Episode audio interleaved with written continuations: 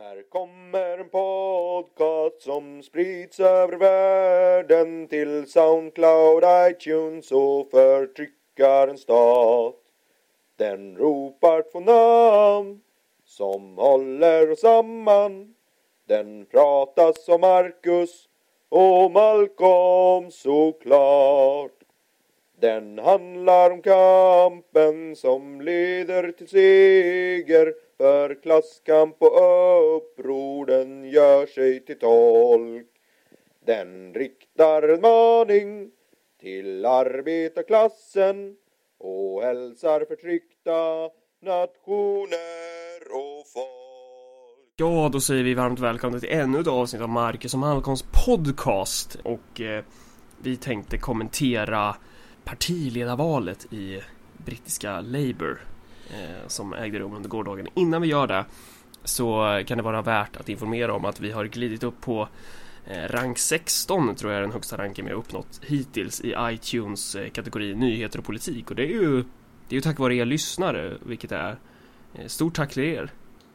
Ja, nej men alltså det är ju det, liksom, jag vet att det tar emot i din närkingska själ liksom att, att ens se att det går bra överhuvudtaget. Men alltså det, det går bra. Du, fan. Vi är fan på rank 9 nu ser jag. Åh oh, jävlar, ja. Så nu är vi inne på topp 10 här då. Ja, det var ju trevligt. Eh, ja, eh, och nu kan du bara... Det är ju som man säger, nu kan det bara gå sämre. ja, jo men precis. Man får nästan lite ångest när man tänker på det där. Men det är ju kul mm. att det är så många som tycker om, eh, vad heter det nu? Den här podcasten. Och mm. alltså tycker ändå att vi har något intressant som vi håller på att snacka om. Och då kan man väl mm. bara påminna återigen om att alltså, det går ju att kontakta både oss, lite så här, olika kanaler i sociala medier och så vidare. Om man nu har några eh, frågor, synpunkter eller liksom förslag på något ämne som man vill att vi ska behandla så i framtida avsnitt. Eh, och vi har väl, utan att säga för mycket, så har vi väl, försöker vi planera att eh, spela in liksom oftare så. Liksom, mm. Och göra det här lite mer regelbundet och, och, lite mer seriöst i framtiden så. Precis, det som ligger i vägen för att vi ska kunna göra, höja podcasten till en högre nivå med regelbundna avsnitt är ju att eh, lite infrastrukturmässiga grejer liksom. Det, vi behöver lite cash och, och tid helt enkelt. Mm. Så det, det är det som är som ligger i vägen. Typ. Men det, det, ska vi ordna upp. Om vi ska gå vidare på det här eh, pessimistiska, närkinska, realistiska temat då. Eh, så här att man, vi kommer väl, eh, både du och jag eh, uppfattar sig väl av många inom, inom den svenska vänstern som två liksom jobbiga grinchar typ. Som ja. kommer där och förstör den härliga julstämningen som de här andra eh, glada barnen sitter och har. Ja men verkligen. Igår så Alltså senast den här stämningen var på topp så var det ju när Syriza vann eh, parlamentsvalet i Grekland. Eh, Och igår, och sen, och sen så gick det ju ner lite när det visade sig att det inte blev någon eh, socialism. Den här gången heller. Eh, och, och, och nu har den gått upp igen för nu är Jeremy Corbyn vald till Labours nya partiledare. Ja, och det, det, jag måste säga så här att liksom till och med en Grinch som jag och jag njuter av att vara en Grinch. Jag njuter mm. av att stjäla julen så. Men till och med jag kan väl ändå säga att det finns en hel... Eh, att jag blev ganska glad när jag hörde det här. Att han vann faktiskt. Men då mm. främst på grund av att bara se hur alla runt om i världen kommer att börja gråta i sitt jävla morgonkaffe. Mm. Bara, hur kunde det här hända? Och då är det nog oftast inte bara morgonkaffe utan det är ekologiskt och Fairtrade-kaffe för att mm. vi pratar ju här då om, om de, de, goda människorna. De, de som vet bäst. De politiska experterna. Som alla enhälligt har ställt upp i kör för att förklara att det är fullkomligt orealistiskt att Jeremy Corbyn skulle vinna det här valet. Precis. Liksom. Vi, vi behöver inte ta någon sån här väldigt lång bakgrund men Corbyn kan ja. man ju säga, skulle aldrig någonsin ha ens kunnat vinna eller vara med i valet om inte alla hans motståndare hade liksom underskattat honom så grovt. Mm. Anledningen till att han överhuvudtaget eh, fanns med i det här partiledarvalet var ju för att man la in hans nominering eh, för att man ville bredda diskussionen. Och man uttryckte det som att ah, men någon från vänsterfalangen i partiet måste vara representerad i det här valet. Ja, så att alltså okej, själva valet var ju så här att det är en medlem, en röst typ. Och sen så kunde Ja. du betala någon sorts ganska låg typ 30 spänn eller någonting. För att kunna få vara med och rösta om du registrerar dig som supporter. Men bara parlamentsgruppen, bara MPs var de som nominerade vilka som ens fick vara med och ställa upp. Och de var ju, de är ju verkligen liksom höger om partiet överlag. Mm. Så att folk alltså gick ut och sa att jag ångrar att jag sa att Corbyn breddar diskussionen för nu kommer han att vinna och det här är katastrof liksom. Mm. Och det är väl lite kort bakgrundsinfo, man behöver väl inte gå in på. Alltså Corbyn, vad ska man säga att han är... Man kan väl prata lite om vad han står för typ. Eh, Mm. Vem är Jeremy Corbyn egentligen? Eh, och ja, vem fan är han egentligen? Vi behöver kanske inte ta med så himla mycket den av, av den bakgrundsinfon. Jag tänker att det finns en ganska bra genomgång av lite grann Corbyn, vem han är och så vidare. va- Vart han kommer ifrån rent politiskt på The Real News. Jag vet att jag länkar den till dig. Vi kan ta och länka den efter programmet också. Så Ja. kan folk kolla upp folk som inte känner till Corbyn. Liksom. Länkar vi den på någon av Facebook-sidorna då? Ja, precis.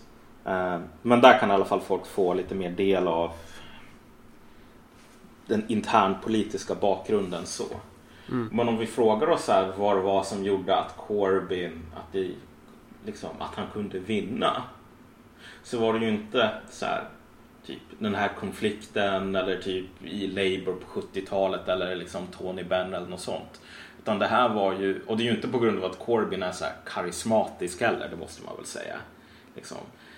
Um, Corbyn vann i slutändan därför att han sa han talade med folk. Han framstod som att han lyssnade på vad folk liksom tyckte var viktigt. Och han sa vad folk ville höra. Alltså, eh, på något plan, jag tror att till och med en liksom bonobo-apa med Alzheimers Mm. skulle ha kunnat vunnit på Corbyns plattform. Så det har väldigt lite med Corbyn att göra. Skulle jag nog säga. Alltså, jag vet inte om du håller med, men alltså för mig så är han verkligen inte någon sån här ehm, Roosevelt eller liksom Caesar eller Mussolini eller någon sådan liksom. Jo, nej men jag, jag, håller, jag håller nog med om det också. Och Det, det, om man lyssnar på vad han säger så är det ju inte direkt så här. Folk inom det politiska etablissemanget håller ju på att skita på sig över, över att han har vunnit nu för att han, han står ju till vänster om Erik Åsbrink. Men det är ju fortfarande så att eh, de sakerna han säger är ju typ så här. Han säger ju inte så här bara, ja men vi ska utrota fattigdomen utan han säger, ja men vi ska ha, vi kan inte ha orimligt mycket fattigdom. Eh, Så här, vi, vi ska ha lite jämlikhet också. Alltså det, det är så här. Det, det är ju inte ens Ja, jag vet inte. Jag, jag, Ja, jag, nej, jag talar inte ens om, jag talar inte ens om hans, liksom, hans positioner här utan Nej. jag bara talar om Corbyn som person. Ja. Är inte världens mest karismatiska, liksom, genialiska politiker så. Han är, han, han är en äldre person som det är svårt att inte gilla men jag vet inte. och han, han beskrivs som en, en, liksom en eh, gammal marxist på, på vänsterkanten i partiet typ. Ja, men det är väl inte direkt någon sån här Machiavelli skulle ha varit stolt över den här Nej. snubbens demoniska liksom. Eh, och liksom, jag hade ju, jag hade, personligen hade ju varit väldigt glad om en person som till exempel Lenin eller eller något liknande mot förmodan efter 32 år som ledamot i, i brittiska parlamentet hade blivit vald till partiledare för Labour. För det är ungefär så som de här eh, politiska experterna beskriver det här nu. Men båda vet ju att Lenin skulle aldrig nedlåta sig till någon, någon sån trams. Eh, och eh, eh, det är ju liksom så långt ifrån från en eh, från en sån, alltså från en riktig politisk tänkare som, så- alltså han, det är ju två helt olika världar. Ja, men i slutändan, Corbyn är en sån där som du vet, han tar, liksom, går på något sånt här stort fullpackat möte där han säger det som typ alla vet är sant. Vilket är så här att under de senaste åren så har typ antalet soppkök exploderat från nästan inga till så här 1500 eller någonting. Och att liksom, de rika blir rikare, de fattigare blir fattigare. Det finns Ja. liksom ingen rättvisa och sådär. Han säger det, vilket Och så inte... säger han att, att fackförbund är bra och så tycker han man ska stänga skatteparadisen. verkligen inte någon så här rocket science så. Nej. Och så tar han typ bussen hemifrån, hem liksom efteråt. Han åker inte i någon jävla Bentley med en privat chaufför. Och det här tycker alla är så otroligt lustigt för de kan inte förstå hur folk kan tycka om en person som typ inte håller på och fifflar pengar eller liksom tycker att ja men vet du vad, jag är politiker så jag ska bete mig som om jag vore en bankir liksom. Mm. ja, nej men precis. Ingen ja, men kan där, förstå liksom hur, hur kan folk tycka att det är bra? ja, ja, men det där kan ju inte vara en kompetent person om han åker buss som vanligt folk. Det, är ju, det verkar ju som att han är som vanligt folk. Och vanligt Ja. folk, de kan ju inte styra. Ja men verkligen. Alltså, det, det är så här, folk bara stirrar med så här munnen vid öppen bara öh, jävla, som någon så här liksom efterblivna när de ser det här. När du säger folk så menar ju inte du folk, utan du menar ju personer inom det politiska etablissemanget. Ja, nej men precis. Och, eh, det är så himla fascinerande verkligen. Typ att bara, men herregud, den här personen. Eh, Hur kan folk tycka om honom? Jag Ja. skulle ju inte åka till ett sånt här fullpackat möte utan livvakter och limousin liksom. Nej. Och jag är ju smart. Eh, och, och det är väl så här. Så kortfattat liksom, han är, det är någon person från vänsterkanten inom Labour. Eh, som nu är partiledare. Ja, han kom från ingenstans. Ingen trodde att han kunde vinna. Och Mm. ehm, nu har han gjort det och folk vet inte hur de ska hantera det här. Det här är världens jordskred, katastrof, allting sånt. Mm. Och det behöver bara tilläggas också att han vann alltså med den största marginalen typ i modern brittisk politisk historia. Liksom. Ja. Till och med Tony Blair som alla ser som den här superframgångs... Liksom, Ja. han slog till och med honom. Ja. Jag menar Tony Blair är karismatisk i alla fall. Det är väl inte Corbyn. Så jag menar det säger en hel del om sprängkraften i Corbyns liksom, politik eller vad man nu ska säga. Någonting händer Det är något stort på gång med våra vänner Det är Marcus och Malcolms podd Så här, alla så kallade politiska experter förväntade sig att Corbyn inte skulle kunna vinna. Eh, och nu så har han gjort det. Eh, och då så eh, råder det förstås förvirring på diverse ledarredaktioner runt om i världen. Men måste, man måste bara säga så här att liksom den sortens liksom, åh allt är katastrof, allting är Ja. jättedåligt. Det här är liksom slutet på, för Labour, det här är slutet för, för hela världen. Den stämningen motsvaras ungefär av en nästan lika jobbig så här halleluja-stämning inom vänstern som vi var inne Ja. på lite tidigare. Så här, bara, Ja, verkligen, nu går det skitbra så. Och i båda fallen så Så är de Så. idioter. Ja, i båda fallen så är det ju ingen som diskuterar faktiskt om men vad kommer det här att innebära rent Ja, konkret. precis. Vad, vad, alltså, en politisk diskussion. Och det, alltså, för att det är väl det som var mi, mi, mitt avslut där du, där du kom in. Du, du trottade min mening, Malcolm. Ja. Eh, men, men alltså att... Eh, precis, nu har han... Trots att eh, det politiska etablissemanget tänkte att han inte kunde vinna så har han gjort det. Och vänstern bajsar på sig av glädje. För att nu, nu så socialismen för dörren. För att Jeremy Corbyn har sagt att inte alla ska vara fattiga. Men eh, frågan är så här. Okej, han har vunnit partiledarvalet i ett parti där eh, partibyråkratin fullkomligt hatar honom. Eh, och han, har verkligen hela politiska etablissemanget emot sig. Alltså, alltså han, han har eh, han, har, han, han kommer minst sagt behöva jobba i motvind. Därmed betyder ju inte det att han inte kan komma att vinna nästa val. Vilket jag mycket väl tror att han skulle kunna göra. Men det betyder för mig ingenting. Jag skiter i om han... Det spelar liksom ingen som helst roll om Jeremy Corbyn vinner 2020 eller om han inte gör det. För politiken är och kommer förbli densamma eh, inom, alltså det är fortfarande kapitalism, det är fortfarande så här, det är fortfarande samma slags ramverk som de här parlamentarikerna måste förhålla sig till. Eh, och, och så ser det ut i den så kallade liberala demokratin. Men alltså, ja precis. Om man ska liksom utveckla det lite grann. Corbyn kommer inte att kunna åstadkomma någonting. Därför att det finns, det finns två barriärer här egentligen. Den första är ju bara att hans, hela partiapparaten. Det här är alltså en partiapparat som ja, historiskt har varit beredd att splittra Labour snarare än att låta vänstern vinna. Liksom. Så att de, de är seriösa. Liksom. Juholt det, den behandling som Juholt utsattes för var liksom en jävla västan liksom fläkt jämfört med den som Corbyn kommer att utsättas för. Det kommer alltså vara hans egna parlamentariker kommer att försöka liksom sabotera, kommer att försöka liksom sabotera kongresser liknande. Och typ alla medier liksom håller på Ibland, I vissa medier är det bara att de kallar Corbyn en galning. De bara, ja men det här är, det här är en galen person. Liksom. Bara seriös media så. Säger den här personen är helt dum i huvudet, galen, går inte att liksom lyssna på. Han kommer att typ beskatta dina döttrar eller något sådant. Alltså, ja precis, alltså anledningen till varför han är galen är ju för att han inte typ pratar lika mycket om ty, typ en nyliberal liksom berättelse. Ja, alltså re, rent liksom jag vet inte om vi har tid att gå in på det, jag tror inte det. Men Nej. man kan bara säga så här om hans politik. Ja. Så att alla hans förslag, de flesta av dem i alla fall, är ehm, ungefär som Thatcher. Liksom. Den, den, den skattenivån som man har föreslagit är ungefär den som man hade på Thatchers tid. Liksom den så här, åternationaliseringarna, det är liksom åternationaliseringar av saker som var nationaliserade på Thatchers tid.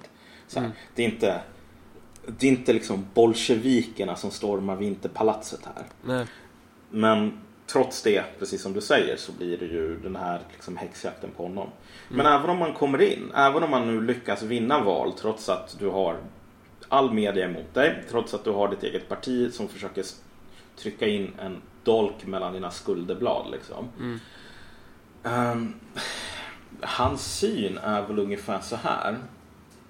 Att okej, men om jag vinner valet då är det ett tecken på att ja, men mer än 50% av liksom Storbritanniens befolkning vill ha ehm, liksom en annan politik. Och då måste ju alla foga sig efter det. Liksom, inklusive, jag vet inte, Tories, kapitalister och så vidare. Därför att jag menar, de är också, de är också delar av ett demokratiskt samhälle. Mm, precis, han tror liksom att eh, om det skulle vara ungefär som typ i World of Warcraft eller vilket, vilket jävla spel som helst bara du, du har nu vunnit valet och så bara förlänas du en buff du bara får en, en magi, en förmåga liksom som gör att du blir immun mot eh, typ statskupp, mot att bara sätta en kula i nacken på dig liksom eller vad det nu är liksom att, att de här kapitalisterna som av fullkomligt materiella orsaker är kapitalister och kommer vilja förbli det. Hela systemet bara kommer så här guilt-trippas till nederlag och bara säga ja men shit, du har ju fan rätt. Du har ju rätten på din sida, du är ju demokratiskt vald. Men det finns ju inget, alltså så funkar ju inte verkligheten. Nej, och liksom, jag tror man ska, man behöver inte ens säga liksom, ja men kolla vad som hände med typ Allende eller någonting. Nej. Ingen kommer, ingen någonsin kommer att sätta en kula i nacken på Corbyn. Det enda som de kommer att göra, det är bara så här att de kommer att typ göra all hans politik omöjlig och sen vänta på att han dör helt enkelt av naturliga orsaker. kommer inte ta sig med lång tid. All hans politik är redan omöjlig. Och med det betyder inte det att du och jag är emot att alla ska ha sjukvård, att alla ska ha utbildning, att alla ska ha någonstans att bo, att vi inte ska ha människor som, som behöver tigga liksom, utan vi ska ha vi ska ha en, en, en sund planerad hushållning liksom. Men, men för att kunna genomföra det så krävs det mer än att bara vinna i något jävla labourparti. Det krävs mer än att du bara eh, vinner ett parlamentariskt val i en kapitalistisk stat och att du säger att jag har rätten på min sida. Mm. Eh, jag tror det, det, det finns ju en, en, en, en viss person med landningsbana i mittens rike uttryckte sig ju liksom att politisk makt växer ur en gevärspipa. Ja, och, och jag menar farbror Stalin sa ju så här, påven, jaha, men hur många divisioner har han då liksom? Ja, Och det är ungefär, om man ställer sig frågan, okej, hur många divisioner har Corbyn? Därför att, exakt. Han, han, han och vilken armé? ja, hans förslag om att liksom åternationalisera järnvägarna är Ja. ju egentligen, det är ju, kolla. Nationaliserade järnvägar har världen haft. Och typ universum har inte gått under eller så. Nej. Och sen man privatiserar de här så har de gått mycket jävla sämre. Det är bara det att de, det finns ganska många som kommer att säga nej jag tänker inte gå med på att du nationaliserar de här igen. Och de har divisioner. Ja, De människorna som säger, vet du vad? Det här kanske skulle funka och det här kanske skulle leda till lägre priser eller någonting. Men fight me. precis. Det är människor som har inflytande i media. Kanske till och med människor som äger typ den här tidningen som håller på att kalla Corbyn en galning. Det är också människor som skänker jättemycket pengar till dels människor inom Labour, dels människor inom Tories. Mm. De äger politikerna. Ja, och sen är det också folk som, du vet, det här är den makt som kapitalister har över det kapitalistiska samhället som inte är så här eh, som man måste förstå. Att om du har privata beslut, privatpersoner beslutar om man ska investera i ekonomin. Betyder det i slutändan att om typ företag bestämmer sig för att nej, vi ska straffa den här landet eller den här politikern så kan de helt enkelt se till så att det inte du vet, skapas jobb eller hur man nu uttrycker det. De kan helt enkelt använda en form av ekonomisk belägring. Ja. Och Corbyn kommer att utsättas för den här ekonomiska belägringen om man försöker någonting och han har inga divisioner så. För att kunna motsätta sig den sortens offensiv så krävs det ju inte bara att man vet att även klassfienden har namn och adress och liksom telefonnummer utan det krävs ju väldigt, väldigt, väldigt mycket mer. Och det finns ju inte ens i Corbyns eh, det finns ju inte ens på kartan liksom att ens diskutera möjligheten till en politisk förändring. Mm, nej, precis.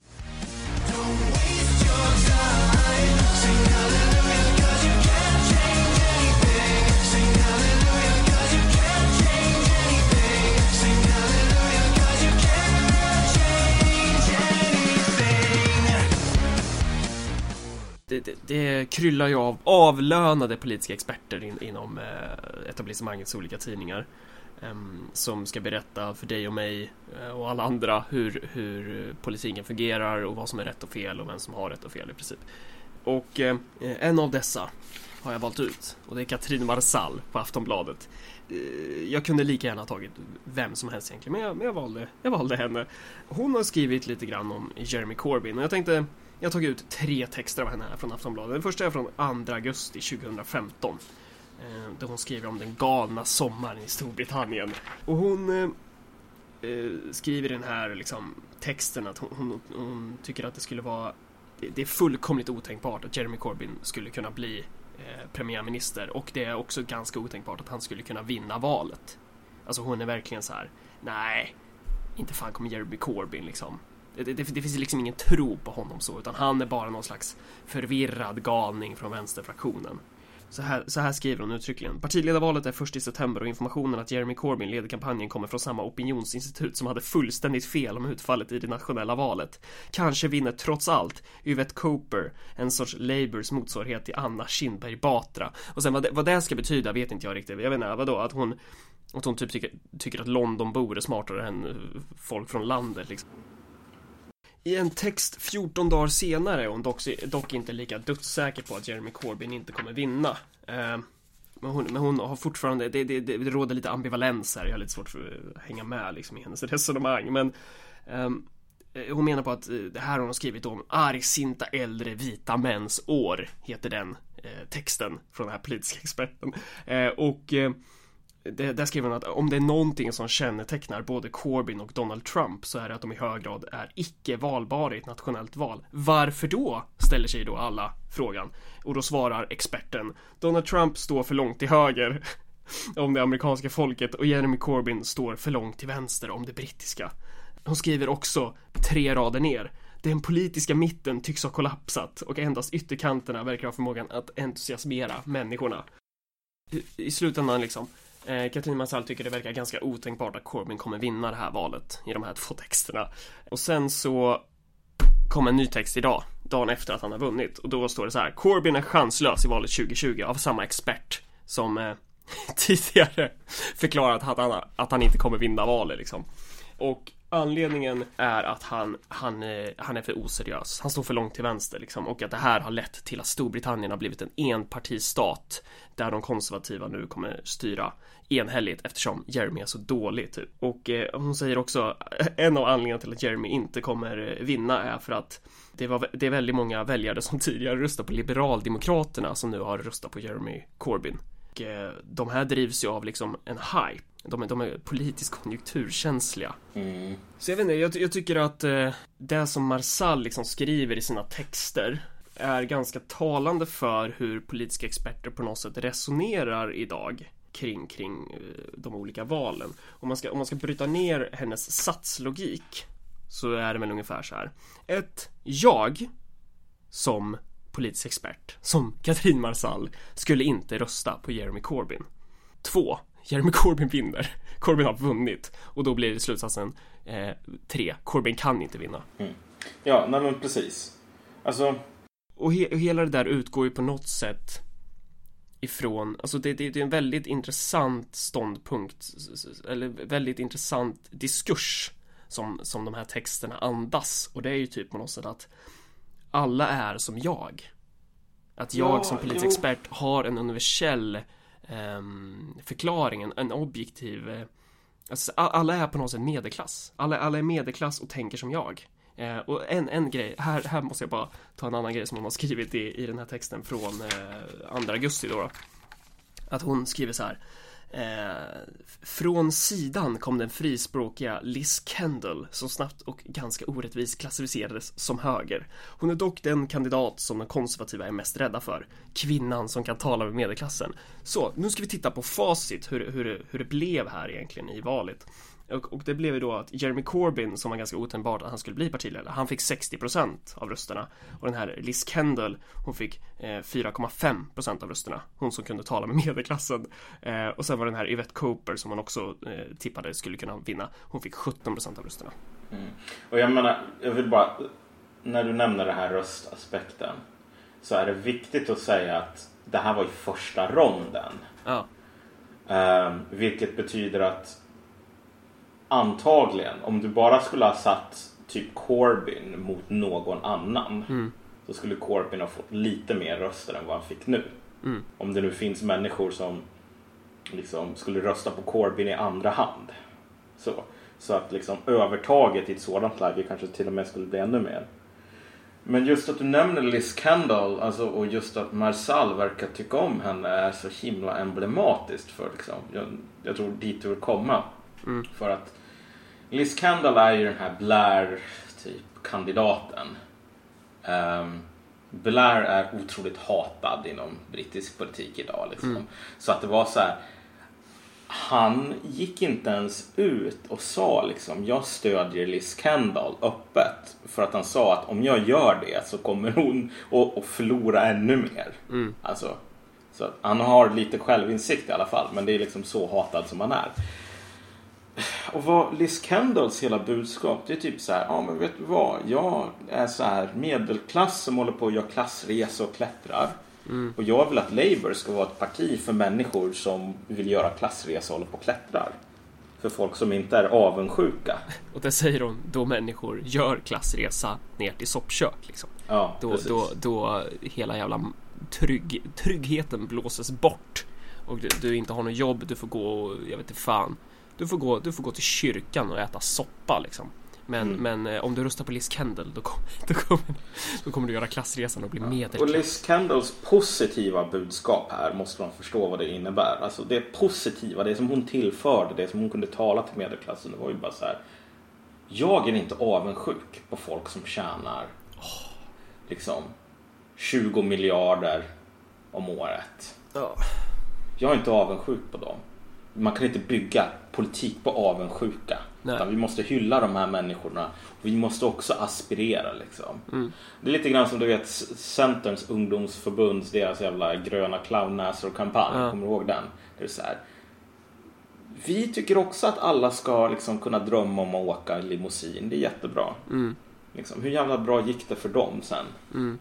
Och Marsall verkar inte förstå att det, det som vem som helst, trodde jag, med liksom två fungerande hjärnceller kunde förstå. Att det här kommer ju aldrig att lyckas liksom. Mm. Du kan inte hålla på och tala om sådana saker när, precis som du säger, den, den, den enda klassresan som görs, det är liksom ner till soptippen. Mm. Det kommer inte att gå hem. Och liksom, sen så får Liz Kendall 4,5 procent. Mm. Precis som du säger. Det här är, jag tror inte Marsall är liksom dum i huvudet eller så. Utan det här handlar bara om en värld med väldigt liksom, med skylappar. Mm. Det här handlar om en värld där Marsall umgås med folk som tycker ungefär som Marsall. Har ungefär samma liksom, knippe värderingar som Marsall. Och aldrig behöver är, utsätta sig för människor med en annan social verklighet än Marsall. Och då blir det så här, ja men vet du vad, jag är bekväm medelklass och jag är inte avundsjuk. Jag skulle aldrig rösta på någon som, jag vet inte vad. Som är så åker, ja. oseriös att Ja, han... som klär sig i Dressman om ens det och sen Ja. åker bussen liksom till Ja. jobbet. Eh, så därför så kan han inte vinna. som, som hon själv skriver eh, att, att så här, hon dömer ut Jeremy Corbyn och Donald Trump eh, orsaken till varför hon dömer ut dem är för att de inte står i mitten Men alltså förstår du inte ironin i att någon som hejar på en kandidat och som sa den här kandidaten är, kandidaten är liksom någon att hålla ögonen på. En person som he, liksom hejar på en kandidat som vinner 4,5% i sitt eget parti. Den mest liksom patetiska förlusten någonsin. Liksom. Håller på och säger så här. Det är jätteviktigt att vara valbar. Och problemet med den här kandidaten som jag inte tycker om det är att hon inte kan bli, han inte kan bli vald. ah, Liksom. Maken på ironi kan man ju knappt tänka sig. så. ah. Men så är det ju, det där är ju samma reaktion som har varit, liksom alla har mer eller mindre sagt så här. Typ att alla väljare vill ha typ vet, samma gamla nytt. Typ. Ehm, och det fattar då, inte de, Corbyn. de som säger så är personer som tjänar på samma gamla nytt Ja, jo men självklart så. Men, men, men de säger så här, alla vill ha liksom det som vi säger är bra. Ja, Corbyn är dum i huvudet för att han inte fattar det. Och Ja. sen så vinner han alltså den största segern i modern brittisk liksom, politisk historia. Så. Ehm, och så fortsätter folk. De blir bara mer gälla och högljudda när de säger så här. Fattar du inte att det här, du inte står för någonting som liksom, folk vill ha? Och så då hamnar du ju nästan i den här positionen att liksom, det stora problemet är ju väljarna nu. Väljarna förstår inte ens vad de vill ha, i alla fall inte i Labour. väljarna, väljarna förstår ju inte att eh, det politiska etablissemangets definition av bra och dåligt eller normalt och extremt också ska vara folkets definition men av någon konstig anledning av några mystiska materiella orsaker så, så blir det allt för svår, så blir det allt svårare för de här eh, experterna att kunna liksom eh, kombinera de här definitionerna, att få dem att stämma överens. Noni. Pickane. The. Max Peasy. Peasy. Noni. Vänsterflanken längst vid kanten. Vill inte spara en spänn på banken. Räntan vill att bara jag tänker tanken. På bänken sitter någon så jag slänger slanten. Misären har sett den på nära håll. Hjälpen är där men man är för stolt. Allt som man ägde av värde är sålt. Finns lägen i livet som kräver våld. Det är de fria valen för individen Som är hjälplös, hemlös i vintertider. Sen finns det de som älskar att ärva Tycker man får skylla sig själv när det kärvar. Vad är oddsen för barn till en VD? Jämför med någon som saknar ett CV Men har ett par sidor i belastningsregistret. På tal om det, fria alla aktivister. Det här är mellan mig och vår statsminister För min mamma är en av de du klistret Fredrik, är det svårt att vara hederlig? Som du håller på är det svårt att vara fredlig? Känner du ens någon som gått på bidrag? Varken har någon hopp eller driv kvar. Du vet en av dem ni har svårt att lita på. Du vet en av dem ni anklagar för fusk. Du vet en av dem frågar kronofogden Han har reda på dem. Om du har ett samvete har du sömnproblem Filippa måste ligga sömnlös hon med. Yes, jag känner mig som Dixie Chicks. Jag skäms för att vår statsminister är från Stockholm. Kärleken övervinner allt för Fredrik är hjärtlös, han har inget alls, vad fan gör man då? Ja vad gör man då? Vad fan gör man då? Kärleken övervinner allt men Kalle är hjärtlös, han har inget alls, vad fan gör man då? Ja vad gör man då? Vad fan gör man då? Om uppare lyssnade inte det här som det där brevet från Timbuk till Persson där SSU skulle svara på låten. Här är inte politik, det här är gata som låter. Slagordsmällare, polissirener, de som inte tänker finna sig i systemet. Står upp och inte tänker vika ner sig, agerar och visar att vi lever. Vi som inte fick några platser slet som djur, vart gick våra skatter? Helt tappat tron på riksdagsdebatter, privata intressen som sitter på makten. Kan dela med mig av allt jag har men nu gäller inte samma sak. Alls för adeln Villa Faro och Wallenberg i sarkofagen, nära Bilderberg, Grand Hotel, Saltsjöbaden de har svågerpolitik, vad har vi? Frustration och anabola steroider Droger och poliser, ingen bra recept Ingen cash och det enda man kan ha är respekt De som tror sig ha lite vett Plugga hårt, fixa jobb och dra direkt Kvar vid däck i ett stadigt grepp Samma arv om jag tar deras barn direkt Kärlek övervinner allt för fel Dricker hjärtlös, han har inget alls Vad fan gör man då? Ja vad gör man då? Vad fan gör man då? Kärlek övervinner allt men Kalle är hjärtlös, han har inget alls Vad fan gör man då? Ja vad gör man då? Vad fan gör man då? Max, Max, Max Music Yes Snart har vi krossat hela allmännyttan, borta för evigt yes. Big up Sven Otto, Filippa, Anders, Jan, Mådan Vad fan händer Fedelis? Ja, och ibland så kommer de med det här argumentet. Ja, okej, visst, kanske värd en landskredsseger i Labour, men typ alla utanför Labour tycker inte alls om Corbyn. Och så, men de, de, de undersökningar som jag har sett har satt Corbyn liksom längre fram än Liz Kendall och de andra, Yvette Cooper och så vidare. Alltså där, har du inte, där är inte Corbyns övertag jämfört med de andra kandidaterna så jättestort, men han ligger ändå i täten. Så att vi hamnar i en situation idag och liksom läser man Kristin Massal så är det så himla tydligt. Alltså, vi hamnar i en situation idag där fel låt håller på att vinna. Man kan inte förstå varför fel låt håller på att vinna hela tiden. Men man, när fel låt vinner så hamnar man i den här situationen. Vi måste fixa det här. Vi måste ha den sanna demokratin tillbaks. För den sanna demokratin, den står Yvette Cooper för. Eller den står typ Liz Kendall för. Av någon anledning. Och fel låt i sammanhanget är ju alltid är ju, är ju alltid definierat utifrån en idé om att man som expert företräder det universella liksom. Att det här är ju inte fel låt utifrån mina materiella intressen utan det här är fel låt utifrån samhällets intressen. Att så här, och det, det är väl där vi glider in på att så här, det, det, det spelar ingen roll det här avsnittet handlar ju på ett sätt om eh, Jeremy Corbyn och nu pratar vi mycket om Marsall liksom. Men de här två personerna är fullkomligt ointressanta egentligen om vi, om vi ska försöka analysera eh, kärnan eller ekvationen för avsnittet. Att det det handlar om är ju egentligen eh, hur experter inte längre är kapabla att skarva fram en berättelse som stämmer överens med verkligheten.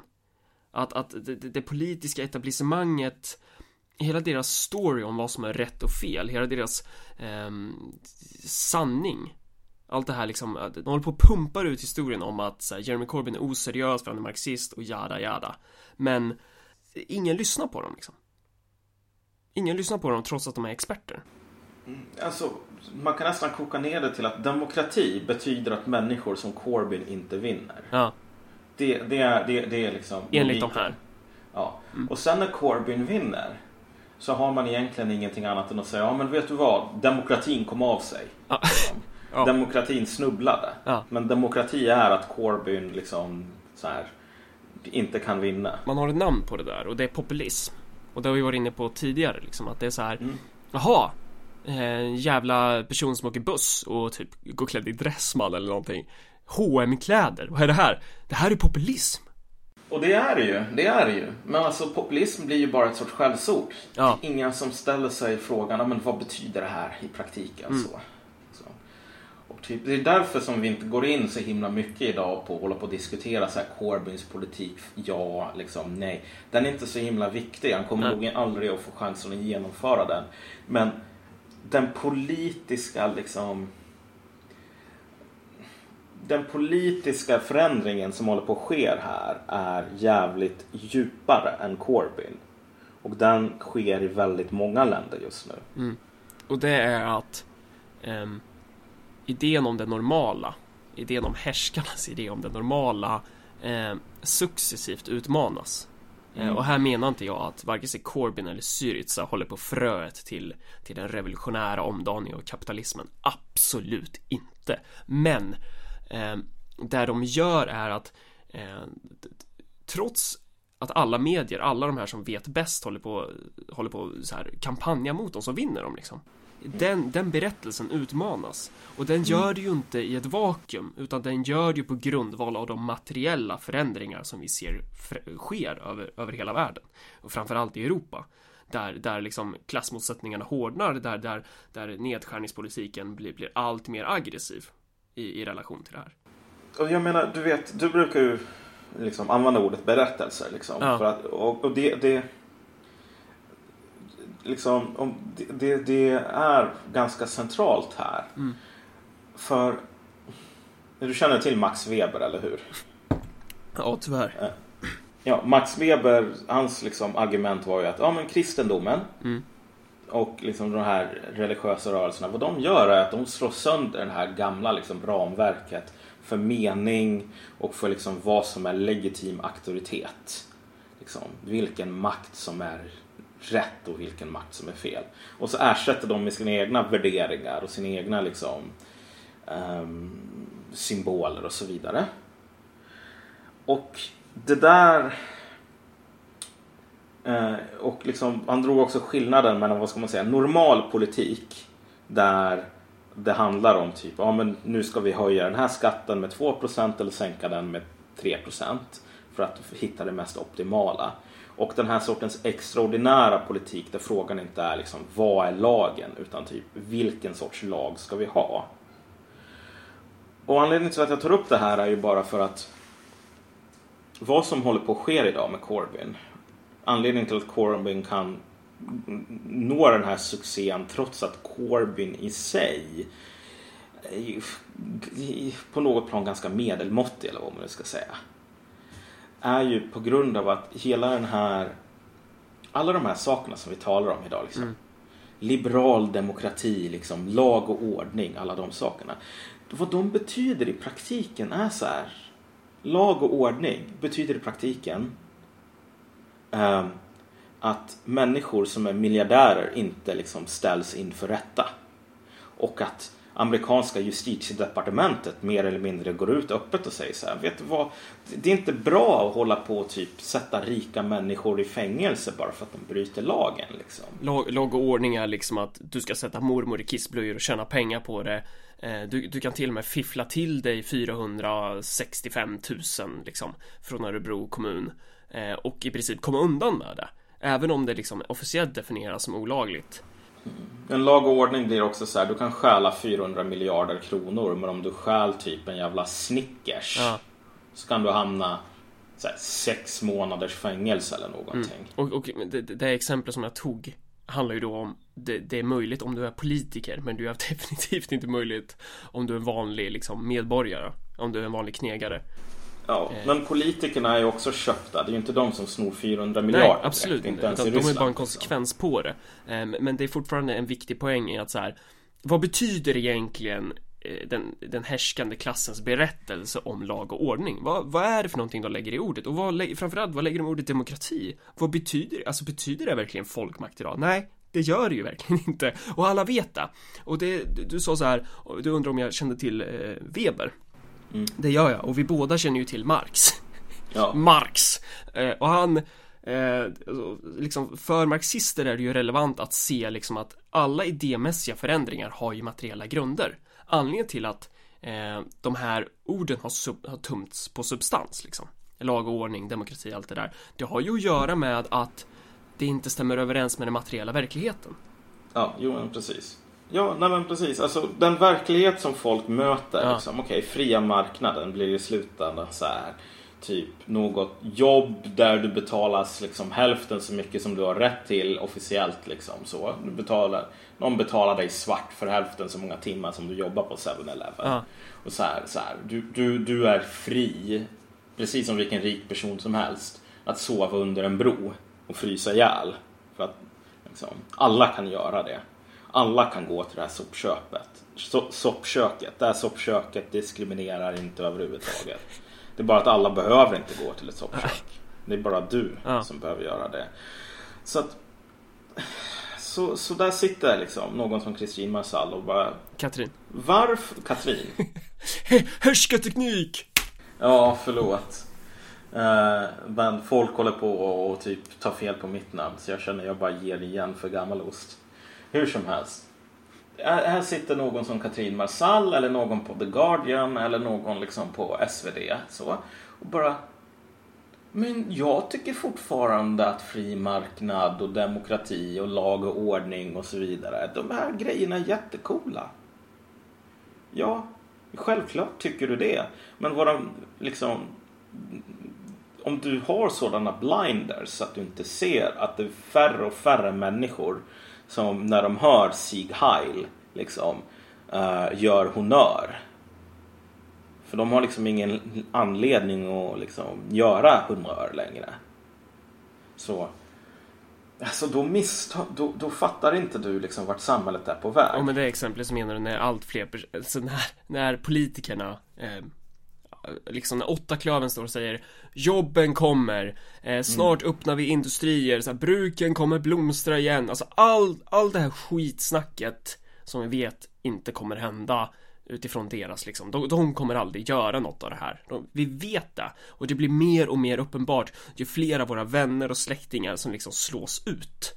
Eh, men, men de kommer ju fortfarande sitta där och bara så här tycka att, men jag tycker det här är ballt. För att så här, det är samma sak med fästingar som suger blod liksom. De tycker också det är ballt Alltså, de är ju en del, det är ju de, de är ju en, del av problematiken. De är ju mitt i det.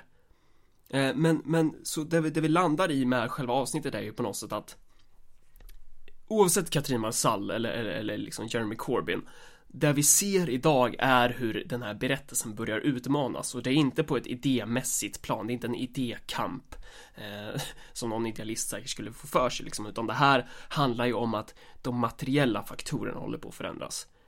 Ja, men alltså jag tror att man måste också säga så här. Det är inte Corbyn som håller på att utmana någon Nej, berättelse här. nej, verkligen. Det, alltså, vad som händer är bara att liksom folk håller på och sågar av sig, sågar av grenen som de själva Ja. sitter på. Därför att okej, Corbyn vinner Mm. ett val och då säger man Ja, men vet du vad? Demokrati är att rätt låt vinner. Mm. Demokrati är inte att fel låt vinner. Nu måste vi göra någonting åt det här. Och, och, och där kommer vi in på hela det här spåret med populism, extremism och allt det här liksom. Att så här, man, man, man talar idag om att eh, Du har ju skrivit väldigt bra blogginlägg om det här Eh, jag tror det heter Älskade extremism för er som vill läsa det på Tinksorg eh, Så, det är bara att googla. Eh, men, men så här att Man pratar om hur, ja men extremismen håller på och växer det, det är det här farliga, det här liksom det dåliga. Det som det politiska etablissemanget säger som dåligt, alltså samma etablissemang som eh, sätter mormor i kissblöjor eller liksom tillåter att bankirer plockar ut 3 miljarder i bonusar. De berättar att någonting är dåligt för oss. Eh, att så här, extremismen håller på och växer. Men samtidigt är det inte någonting som krymper i relation till det politiska etablissemanget då. För extremism är ju ett relativt begrepp. Det är ju ett jämförande begrepp. Det jämför sig ju i relation till någonting. Jo, det, det politiska etablissemanget. Det är ju det som händer. Det är ju det, samtidigt som extremismen växer så krymper ju det politiska etablissemanget. Det som de anser vara normalt. Ja, precis. Och det Corbyn står bara där och säger, ja men vet du vad, jag tror på demokrati. Ja. Jag tror att de här sakerna liksom på riktigt. Och så fort han gör det så kommer folk och liksom tar de här orden ifrån honom och säger bara nej, vet du vad, demokrati betyder att rätt låt Och vinner." återigen, när du säger folk så menar inte du folk, du menar personer i det politiska etablissemanget. Ja, ja, Ja. ja, ja. Jo, jo men det är självklart. Men poängen är bara, Corbyn är inte den som aktivt håller på liksom sopar banan för någon sorts revolution. Tvärt, tvärtom. Mm. Utan det är snarare så här att Corbyn är en sån gammal snäll gubbe som det är svårt att inte tycka om. Som skulle vilja att typ det inte behövdes någon revolution så. Men om jag tänker mig så här Frankrike på liksom Frankrike på slutet av 1700-talet eller Ryssland liksom början av 1900-talet. Ingen av de här, det är inte så att de revolutionära är liksom på något sätt starka eller något sånt. Det, revolutionärer är aldrig så här superstarka normalt sett. Utan de kan bara lyckas egentligen eh, eh, om liksom de som sitter på makten har av någon anledning bestämt sig för att typ ja, vet du vad, vi ska såga av eh, eh, ehm, vi ska såga av grenen som vi sitter på i det här trädet och så ska vi pissa i ansiktet på den berättelsen som ändå legitimerar våran makt. Och det ska ju också sägas att de inte bestämmer det utifrån fri vilja utan det har ju oftast att göra med att hela jävla trädet börjat brinna och de inte riktigt har något val. Nej, men precis. Alltså, ja, du vet. Folk håller på och länsar systemet. Folk håller på typ bara, ja men så här. Jag kommer att vara död om en 30 år, så varför behöver jag bry mig om någonting sådär? Och sen när de håller på och typ sågar och sågar och sågar i den här grenen så brukar alla bli så jävla förvånade när den går av sen liksom. Typ. De enda som är liksom mer förvånade över makthavarna liksom när, när en revolution kommer ungefär brukar vara revolutionärerna själva. Men liksom båda är sjukt jävla förvånade. Och jag säger inte så här, ja oh, Corbyn, nu är det någon sorts revolution på gång. Utan det enda som jag säger är bara att för att, för att revolutioner och inte den här trotte-revolutionen liksom där allting bara blir bra liksom. Där vi kommer till något magiskt liksom My Little Pony-rike. Nej, alltså jag talar om den här sortens revolutioner som är liksom bara typ de som faktiskt finns. Som mm. inte är så jävla roliga och som man inte ska hålla på och romantisera. Nej, som är fruktansvärda liksom. liksom. Ja, men liksom, en grundförutsättning för att du ska kunna ha något sådant. Mm. Det är bara att alltså, all legitimitet i det rådande systemet har liksom försvunnit. Mm. Kungen är inte längre en kung, det är bara en inavlad typ person som älskar incest. Liksom. Um, eller demokratin är inte längre en demokrati utan det är bara vissa män, liksom så här, superrika människor som håller på och fifflar pengar och liksom ser till så att deras ännu rikare kompisar aldrig hamnar i fängelse trots att de bryter mot lagen. När folk börjar se på demokrati som något sådant, då är den körd. Och du vet, folk kommer att krossa Corbyn. Och alla kommer att fira det som någon stor seger när han avgår eller när han dör eller något sådant. Bara, ja, äntligen lyckades vi. Och de kommer inte att inse att liksom, säga vad man vill om Corbyn men han tror ändå på systemet mm. liksom, mm. på något sätt. Han bryr sig om systemet. Mm. Och när de krossar människor som bryr sig om systemet och tror på systemet då kommer det bara vara sådana här galna tomtar som Marcus och Malcolm kvar.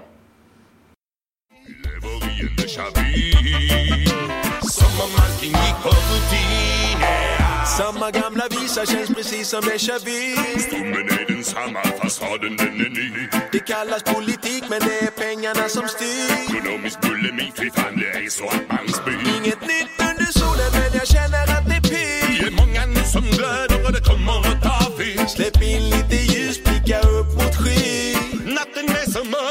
sina dagar. Vi lever i en déjà vu. Det här avsnittet eh, ska få såklart naturliga uppföljningar eh, i fristående avsnitt som vi tänkt spela in i framtiden. Och de avsnitten ska vi spela in på temat reformism, ett avsnitt. Och sen ska vi spela in ett tema, eh, ett avsnitt på temat extremism såklart. Ehm, Tills avsnittet om reformism så tänkte jag att vi ska börja med något nytt här. Och det är att vi ska vi, vi ska börja studera Eh, och eh, det är så här, jag tänkte tipsa om två texter som, som vi kommer lägga upp på vår Facebook-sida Marcus och Malcolms podcast. Eh, och den ena texten är, vad heter den Malcolm? Den heter The Many Lies of... Uh, uh, François Mitterrand. Ja, just det, så heter han. Eh, och eh, den kommer vi länka där på Facebook-sidan och sen kommer vi också länka till eh, texten Reformismens omöjligheter av Centrum för mm. marxistiska samhällsstudier. Vi vill att eh, så många som möjligt tar en titt på de här texterna och läser igenom dem och sen så tänkte vi helt enkelt på när det gäller avsnittet om reformism diskutera utifrån de här texterna.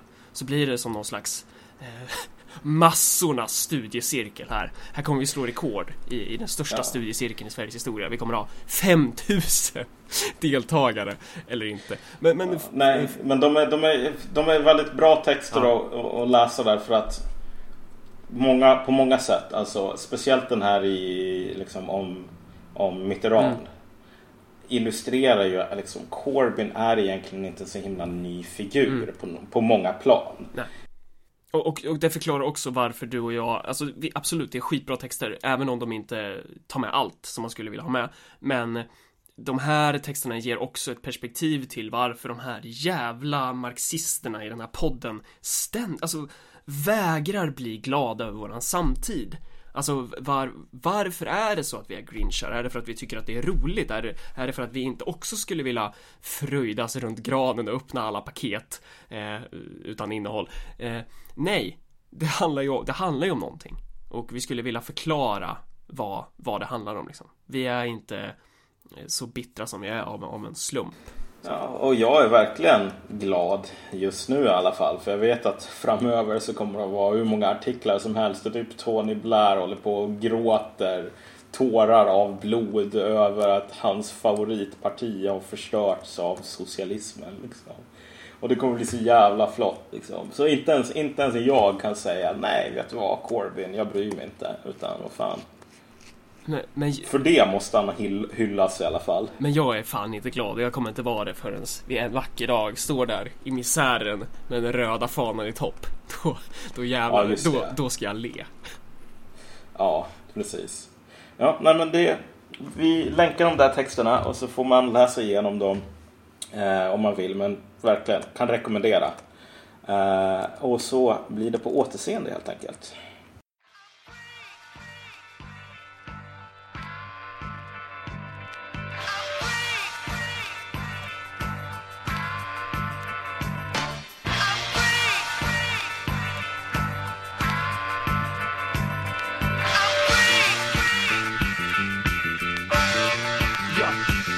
Arbetarklass, vi är fast här, får kast. Betalt Morsor och farsor som tjafsat vid maskrosbarn. Inga cash men räkningar har jag massor av. Betalningspåminnelser, inkassokrav Ge mig en platsjournal, ta vilket jobb som helst.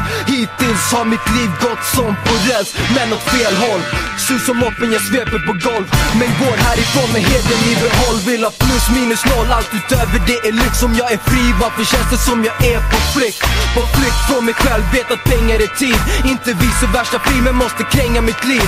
Processen från magont, magkatarr till magsår. Stress, det vi gör mot våra kroppar det är vanvård. Vill du softa har du råd, allt kostar jobba på. Var är du om åtta år? Slit kompis, klockan går. Fri från krav, fri från kval, aldrig Det finns ingen frihet kvar. I första hand är jag människa, måste hålla mig vid liv. Andra hand, medborgare, fungerar kollektivt. Fri från vad? Fri från vad? Ingenting, det finns ingen frihet kvar Jag reser mig mot orättvisa lagar och makt Åker jag fast, ja då tar jag mig straff uh.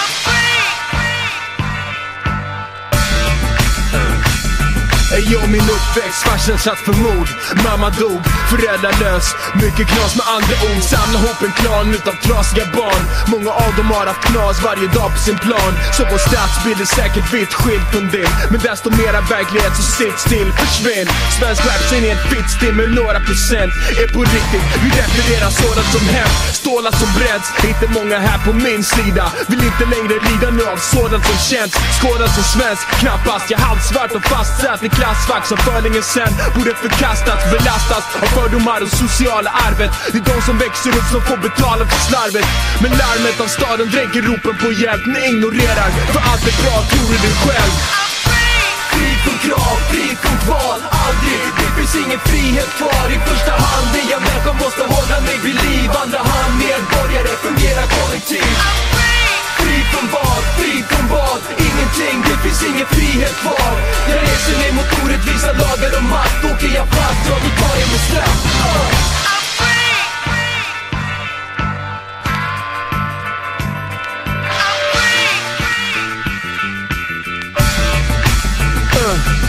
Att jag hör högen snacka om att alla har ett fritt val. Men ditt val har andra förutsättningar än mitt val. Du går i pappas fotspår, visst det kan jag göra med. Du hamnar på börsen, jag på kåken. Vill du höra det förstör jag er. Fina plan om individens fria val. Vill höra något som inte bara inbegriper rika barn.